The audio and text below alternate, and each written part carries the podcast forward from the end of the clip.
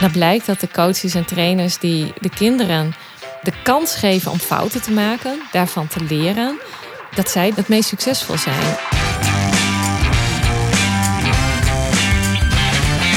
Topsport Topics Podcast. In deze aflevering van de Topsport Topics podcast hebben we het over talentherkenning en ontwikkeling. Hierover praten we met dokter Marije Elfring-Gemsen. Marije, welkom. Dankjewel. Jij bent universitair hoofddocent bij beweegswetenschappen aan de Rijksuniversiteit Groningen, het UMCG, en expert op het gebied van sport en talent. Laten we direct maar beginnen met de belangrijkste vraag. Wat is talent nu eigenlijk? Ja, dat is een ongelooflijk boeiend en intrigerende vraag, maar ook best wel complex. Ik denk dat iedereen daar wel een soort beeld van heeft en een gevoel daarbij heeft. Maar om het daadwerkelijk te duiden en te kunnen meten, want als wetenschapper wil je graag dingen kunnen meten, is dat ongelooflijk lastig. Uiteraard hebben we daar wel een uh, poging uh, doen we daar uh, toe. En de definitie die wij hanteren is dat een getalenteerde sporter beter presteert dan de meeste van zijn of haar leeftijdgenoten tijdens training en competitie en de potentie heeft om de top te halen. Dus er zijn twee onderdelen die heel belangrijk zijn. Je ja, presteert eigenlijk al beter dan de meeste van de leeftijdsgenoten. Hoeft nog niet de absolute top te zijn van je leeftijdscategorie. Maar er moet ook iets zijn van uh, belofte voor de toekomst. Uh, en ja, dat maakt het meteen zo ingewikkeld. Want hoe meet je iets wat er misschien later wel zal zijn, ja. maar nu nog niet? Hoe weten we nou of een sporter ook een potentie heeft voor een toekomstig talent om echt een wereldtopper te worden? Wat wij doen is uh, een combinatie van onderzoeksmethoden toepassen. We doen retrospectief onderzoek. Dus dan vragen we terug van... Goh, hoe was het toen je jonger was? Dus vragen we bijvoorbeeld aan topsporters, aan trainers, aan ouders... hoe dat ging. Uh, maar we doen ook longitudinaal onderzoek en prospectief onderzoek. En daarbij volgen we jonge sporters in hun weg naar de top. Langdurig onderzoek, meerdere jaren. En dan kijken we wie haalt uiteindelijk de top, wie niet. En dan maken we een vergelijking tussen degenen die het gehaald hebben en degenen die op amateurniveau blijven sporten. En dan zie je eigenlijk dat de, de sportspecifieke uh, aspecten en de fysieke aspecten in het begin verschil maken tussen degene die beter presteren op jonge leeftijd ten opzichte van degene die wat minder goed presteren. Maar dat uiteindelijk ja, wat meer generieke aspecten belangrijker uh, lijken te zijn. Uh, dan hebben we het bijvoorbeeld over zelfregulatie of over cognitieve aspecten die van belang zijn. En dat maakt het ingewikkeld, want dat loopt allemaal door elkaar heen. Oké, dus je zegt eigenlijk zijn misschien meer de persoonskenmerken van een sporter uh, belangrijk uh, voor het behalen van de top dan de fysieke uh, aspecten. Ja, met persoonlijke aspecten, daar vallen ook wel in ons model, het Groningen Sport talentmodel vallen ook fysieke aspecten wel onder de persoonlijke aspecten. Maar wat ik eigenlijk aangeef is dat om de top te kunnen halen, moet je als jonge sporter kunnen beschikken over heel goede bewegingsvaardigheden. Je moet gewoon ongelooflijk goed kunnen bewegen. Maar dat kunnen algemene bewegingsvaardigheden zijn. En op een gegeven moment dan wordt dat specifieker. Uh, en dan moet je dat, ja, eigenlijk uh, ga je dan ook wat meer richting specialisatie. Maar op het moment dat je al heel jong specialiseert, ben je misschien op jongere leeftijd beter dan je leeftijdgenoten in die specifieke sport. Maar dat wil niet zeggen dat jij later ook beter bent. Dat vertekent heel erg. En ook um, aspecten van geboortemaandeffect, bijvoorbeeld. Als je relatief ouder bent dan je leeftijdsgenoten, omdat je ten opzichte van de pijldatum gunstig geboren bent. Of je bent misschien vroegrijp uh, en hebt daardoor een tijdelijk voordeel. Dus het fysieke speelt een grote rol bij sportprestaties op jonge leeftijd. Maar op het moment dat iedereen de groeispurt heeft gehaald en dan trekken eigenlijk die fysieke verschillen wat weg. En dan blijken andere aspecten meer van belang. Betekent dit ook dat uh, jonge uh, selectie, selectie op vroege leeftijd, eigenlijk niet heel zinvol is? Ja, de jonge leeftijd uh, gaan selecteren vind ik geen goed idee. Want de loopbaan is zo lang. En het, uh, de tijd waarover je wil voorspellen is zo lang dat het eigenlijk onmogelijk is om daar een hele goede uitspraak over te doen. op basis van prestaties die op jonge leeftijd worden ge geleverd. Dat wil niet zeggen dat het misschien niet leuk is voor kinderen die het heel goed doen, om die gezamenlijk met andere kinderen die ook goed presteren, ook uh, samen uh, te laten sporten en zichzelf te laten ontwikkelen. Maar ik zou niet spreken van selecties, want dat, ja dat betekent eigenlijk ook dat je anderen deselecteert. En dat is niet verstandig. Dan mis je leeftijd. mensen misschien. Dat zou heel goed kunnen. Ja, dan zou je eh, kinderen kunnen missen. En ik denk dat het heel belangrijk is om ja, tot een jaar of twaalf in elk geval breed op te leiden. Eh, en eh, dat kinderen ook veel verschillende dingen kunnen uitproberen. Dat ze erachter komen wat ze echt heel erg leuk vinden. En dat je pas op wat latere leeftijd eh, richting de selecties gaat. Dan kunnen ze daar ook bewust voor kiezen. En dan mis je waarschijnlijk ook minder talent dan als je heel vroeg al gaat selecteren. Jij bent denk ik wel voorstander van de NOC-NSF talentdagen. Waarbij ze specifiek selecteren op eh, nou, bepaalde kenmerken. Bijvoorbeeld snelheid of eh, kracht. En vervolgens kijken bij welke sport passen die kenmerken nou. Ja, ik vind dat initiatief van het NOC-NSF vind ik wel heel mooi. Want dan kijk je ook breder dan alleen de sport waar jij op dat moment in bezig bent. En in de literatuur zien we ook dat er steeds wel wat meer onderzoek naar talent transfer wordt gedaan. Dat is eh, eigenlijk de term die hier ook wel eh, bij hoort. En dan ga je ervan uit dat ja, een kind heeft unieke kenmerken die eh, je goed in kunt zetten in de ene sport, maar misschien ook wel heel goed kunt inzetten in een andere sport. En ik denk dat dat verstandig is om daarnaar te kijken. Waar, eh, wat vindt een kind het, het allerleukst en eh, waar zou die zijn potentie in kunnen ontwikkelen? Je geeft aan dat het belangrijk is voor kinderen om breed motorisch te ontwikkelen. Wat kan de coach daarin betekenen? Nou, als coach kun je in elk geval de mogelijkheid geven aan kinderen dat als ze meerdere sporten willen doen, en dan heb ik het over de leeftijd tot een jaar of twaalf, dat je daar ook de mogelijkheid toe geeft. Wat je in de praktijk heel vaak toch wel ziet, is dat als kinderen op een sport zitten en ze zijn wat beter en ze komen in een soort van selectiegroepje, dat het kind eigenlijk min of meer gedwongen wordt om dan die keuze al te maken. Als trainer zou je wat meer ruimte kunnen geven aan een kind. Uh, wat dan op de dag uh, dat je misschien ook een eigen training is, dat hij dan toch een andere sport kan doen. Dus daar wat meer begrip voor hebben en uh, niet te veel alleen maar op je eigen sport richten. Dat is al heel belangrijk. En ten tweede, in je eigen trainingen is het heel belangrijk om ook variabel te trainen. Dus uh, wissel gewoon dingen af. Ga niet alleen uh, steeds standaard uh, patronen trainen of steeds op dezelfde manier of heel repetitief steeds hetzelfde. Maar varieer ook eens met bijvoorbeeld ehm, ja, de, de, de bal die je gebruikt, de balgrootte of de. De zwaarte van de bal, of misschien met de, de ondergrond, of misschien met um, ja, de, regels van het spel, zodat kinderen worden uitgedaagd om om te gaan met veranderende omstandigheden. Daar worden ze motorisch vaardiger van. En dan leren ze ook om uh, in het moment zelf beslissingen te nemen. En natuurlijk hangt dat van het tak van sport af die je doet. Um, schaatsers gebruiken geen bal, dus daar hoef je daar niet mee uh, uh, je, daar, je hoofd niet over te breken. Maar bijvoorbeeld de andere kant op schaatsen zou een hele goede zijn. Want uh, dan moet je natuurlijk heel goed afspreken met alle trainers en de kinderen. Dat ze het weten, dat je geen ongelukken krijgt, moet veilige situaties hebben. Maar we gaan altijd linksom en pootje over uh, links de bocht door. Maar op het lange rechte stuk is het ook heel belangrijk, technisch gezien, om het gewicht buiten de lijn heup, knie, enkel van de rechterkant te krijgen. En heel veel kinderen hebben daar moeite mee. Die kunnen links, dat noemen we overkomen uh, in schaatsjargon. Die kunnen dat op links wel, op rechts niet. En dat komt waarschijnlijk omdat je op links de bocht doorgaat. Gaan we de andere kant om, dan kunnen ze dus beter de schaatstechniek onder de knie krijgen. En dat soort uh, ja, variaties zou je eigenlijk in moeten brengen. Niet alleen maar precies dezelfde beweging inslijpen, maar ook juist dat variabele. En uiteindelijk worden ze daar dan beter van. Je zegt dus nou eigenlijk op jonge leeftijd uh, nog niet selecteren. Uh, maar zouden we al wel op jonge leeftijd naar bepaalde elementen kunnen kijken? Uh, bijvoorbeeld het leerproces dat kinderen doormaken. Ja, wat we, wat we zien is dat de kinderen die uiteindelijk succesvol worden, dat die zich kenmerken doordat ze heel goed kunnen bewegen. Dus ze hebben een goede motoriek.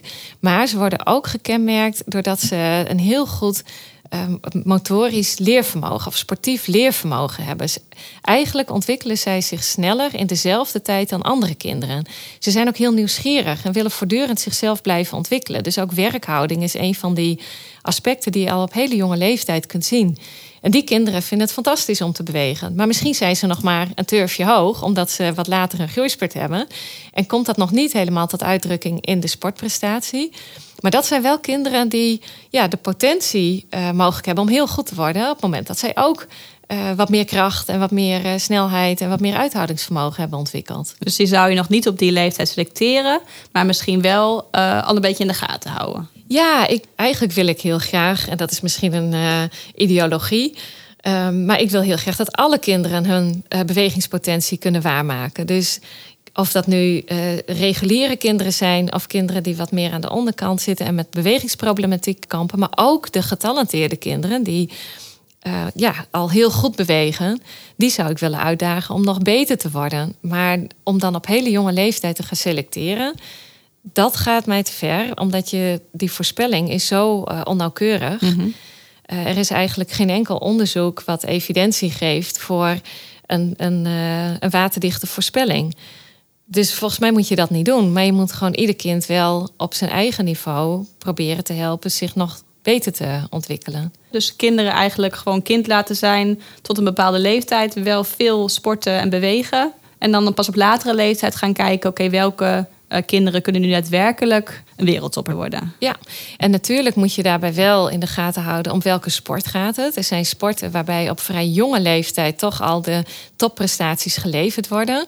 Maar in de meeste sporten heb je daar ook echt nog wel tijd voor. Als de basis met die, ja, wat we dan in de literatuur de fundamental movement skills noemen, dus de, de basis uh, bewegingsvaardigheden, als die heel goed zijn, dan zijn kinderen heel goed in staat om ja, ook uh, later nog te gaan specialiseren in een bepaalde sport. Het lijkt wel zo te zijn dat het handig is, zeker in sporten waar uh, de technische vaardigheid heel belangrijk is, dat kinderen wel op jonge leeftijd die sport al wel doen.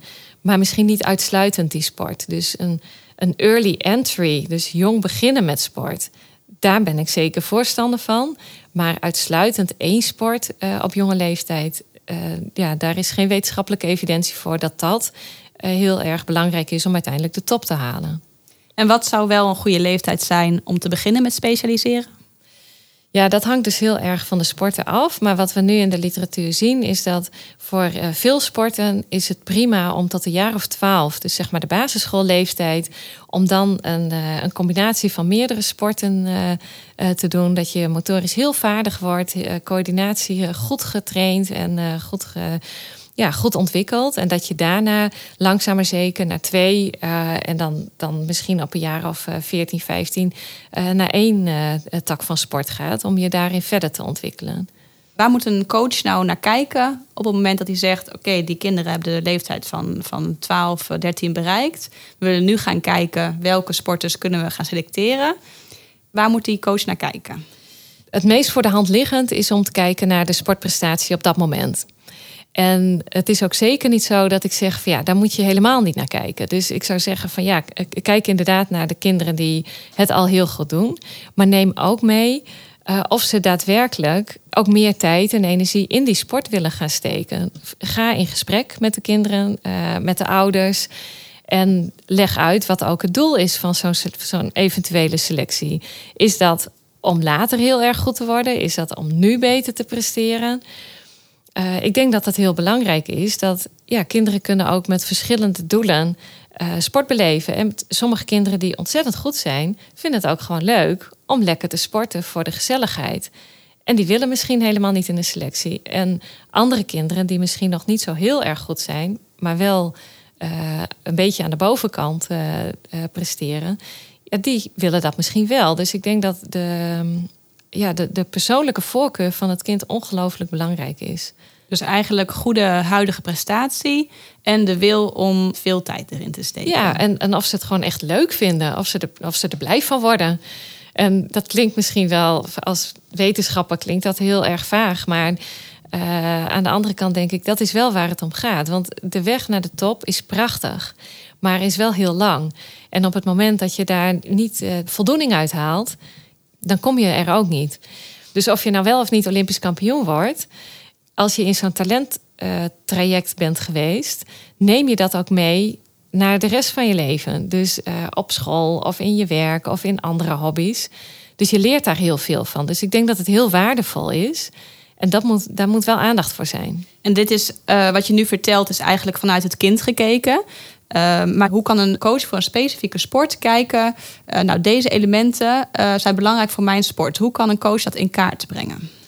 Een coach kan kijken naar de prestatie en de prestatieontwikkeling, maar vooral ook hoe een prestatie tot stand komt. Dus de onderliggende kwaliteiten die nodig zijn om een prestatie te leveren. En dan hebben we het bijvoorbeeld over uh, fysiologische aspecten, technische, tactische, mentale kwaliteiten. En die kun je objectief in kaart brengen door middel van een testbatterij. Op het moment dat je dat regelmatig doet en je maakt individuele profielen, ontwikkelingslijnen van iedere sporter, dan kun je zien waar iemand uh, al heel goed op de curve zit, maar ook waar iemand achterblijft en aan welke knoppen je dus zou kunnen gaan draaien om diegene ja, op niveau te krijgen of uh, uh, op niveau te houden. En we hebben voor meerdere sporten bij bewegingswetenschappen hebben we dat soort ja, referentiewaarden en testbatterijen ontwikkeld voor voetbal, voor hockey, voor basketbal, voor het schaatsen, voor het zwemmen. Um, er zijn allerlei meetstraten. Tennis is een van de, de sporten waar we veel onderzoek naar doen om de ontwikkeling van de kinderen te monitoren. En daarbij ook rekening te houden met uh, aspecten van groei en van rijping en van training. En ja, te kijken van goh, op welke ontwikkelingscurve zitten ze. Um, daarnaast is het als trainer, coach heel belangrijk om zo nu en dan um, misschien het gevoel te hebben dat je je tong afbijt. En niet alles uh, te willen programmeren en voor te willen schrijven. We hebben ook onderzoek gedaan naar nou, welke kenmerken hadden talentcoaches die veel talenten ook aan de top hebben afgeleverd, om zo maar te zeggen. En dan blijkt dat de coaches en trainers die de kinderen uh, ja, de kans geven om fouten te maken, daarvan te leren. Um, zelf ook steeds meer uh, mee te mogen denken en bepalen in het wedstrijdprogramma, in de, de trainingen. Dat zij de, het, het meest succesvol zijn. En daarmee wil ik niet zeggen dat je als trainer-coach alles maar moet overlaten. Want, want jij bent de expert en jij zet de piketpaaltjes uit waarbinnen het gebeurt. Maar soms is het belangrijker dat een, een sporter ook het gevoel heeft dat hij zelf verantwoordelijk is voor zijn eigen leerproces. Uh, zijn er ook andere dingen, misschien, uh, nou ja, de ouders zullen waarschijnlijk wel een rol spelen, die ook heel belangrijk zijn om het geselecteerde talent ook daadwerkelijk te laten ontwikkelen tot talent? Ja, de omgeving en de context is, is ongelooflijk belangrijk. Dat klopt, want wat wij ook zien, en wij redeneren inderdaad heel vaak vanuit het, vanuit het kind. Um, maar de meest succesvolle sporters uiteindelijk, die zijn heel goed in staat om die omgeving dusdanig te, te organiseren dat zij ook geholpen worden daar waar, waar nodig. Dus zij zijn in staat om goed te communiceren met uh, bijvoorbeeld de leraar op school, om dat goed te regelen. En als je geen vrij krijgt van school, wordt het lastig. Ouders uh, zijn ontzettend belangrijk uh, in de ondersteuning. Vaak om voor vervoer, maar ook in een financieel en emotioneel opzicht. heel erg belangrijk. We hebben ook wel onderzoek gedaan waarin we keken naar van ja, wat is nu eigenlijk de eerste vraag die je stelt als je kind terugkomt van een wedstrijd, eh, waar je zelf niet mee kon. Ja, toen zagen we toch ook wel dat de ouders die als eerste vraag stelden van uh, en gewonnen? Of uh, ja, en hoe ging het? Mm -hmm. Ja, die vraag van ja, hoe ging het? En um, ja, die kinderen die, die waren veel langer, bleven ze in een ta talenttraject, uh, waren succesvoller dan ouders die toch wel heel erg op de prestatie zitten. En als je vraagt van ja, hoe ging het? Dan komt vanzelf wel van ja, we hebben met uh, eh, 2-0 verloren. Ja, dat, je, soms moet je gewoon even, even de tijd geven aan het kind om dat verhaal te gaan vertellen. Hoe gebeurt talentherkenning nu en waar denk jij dat de verbetering te behalen valt? Wat ik in Nederland zie en ook in andere westerse landen, is dat talentherkenning op vrij jonge leeftijd plaatsvindt. Jaren voordat de topprestaties geleverd gaan worden. En dat dat eigenlijk op te jonge leeftijd is. En dat er een soort concurrentie plaatsvindt. Uh, bijvoorbeeld uh, binnen het voetbal. Als er dan wordt uh, gekeken naar de, de jeugdselecties. en je hebt een spelertje die heel begaafd is. dan wil een betaald voetbalorganisatie die heel graag in de selectie hebben. om ook te behouden voor de, voor de talentenopleiding op het moment dat jij zo'n speler dan niet in jouw jeugdopleiding opneemt, op jonge leeftijd, ja, dan wordt hij gescout door een andere jeugdopleiding en ben je hem kwijt. En wat zo jammer is, is dat als je op te jonge leeftijd gaat selecteren, dan heb je ook een boodschap van: Goh, jij bent uh, heel bijzonder. Ik denk, ieder kind is heel bijzonder, maar die kinderen denken: Nou, nu wordt er iets van mij verwacht. Dus uh, je deselecteert eigenlijk andere kinderen. Uh, en de kinderen die geselecteerd zijn, ja, die worden op een gegeven moment soms ook weer, of eigenlijk best wel vaak, die verdwijnen ook weer uit zo'n jeugdopleiding. Terwijl ze dan misschien het gevoel hebben van, goh, heb ik het dan niet goed gedaan? Ben ik niet goed genoeg? En dat soort dingen zou je denk ik kunnen voorkomen als je gewoon wat later gaat selecteren. En vanuit bewegingswetenschappelijk oogpunt dus als je puur kijkt naar uh, ontwikkeling van motoriek, ontwikkeling van fysieke capaciteiten, ontwikkeling van uh, mentale kwaliteiten, ja, dan ben je echt niet te laat als je op je twaalfde of dertiende of veertiende echt specifiek bijvoorbeeld voor uh, een sport als voetbal gaat kiezen. In de praktijk is dat schier onmogelijk om dan nog heel erg goed uh, te worden in het systeem zoals we dat nu kennen. Want dan ben je niet in beeld uh, bij de grote clubs en dan kun je niet spelen op, ja, tegen uh, tegenstanders van heel hoog niveau. Om je daaraan op te trekken, dan heb je niet al die extra trainingsfaciliteiten en dan wordt het gewoon heel lastig. Wil je meer weten? Ga dan naar topsporttopics.nl en volg ons op sociale media. Topsport Topics, de schakel tussen wetenschap en sportpraktijk.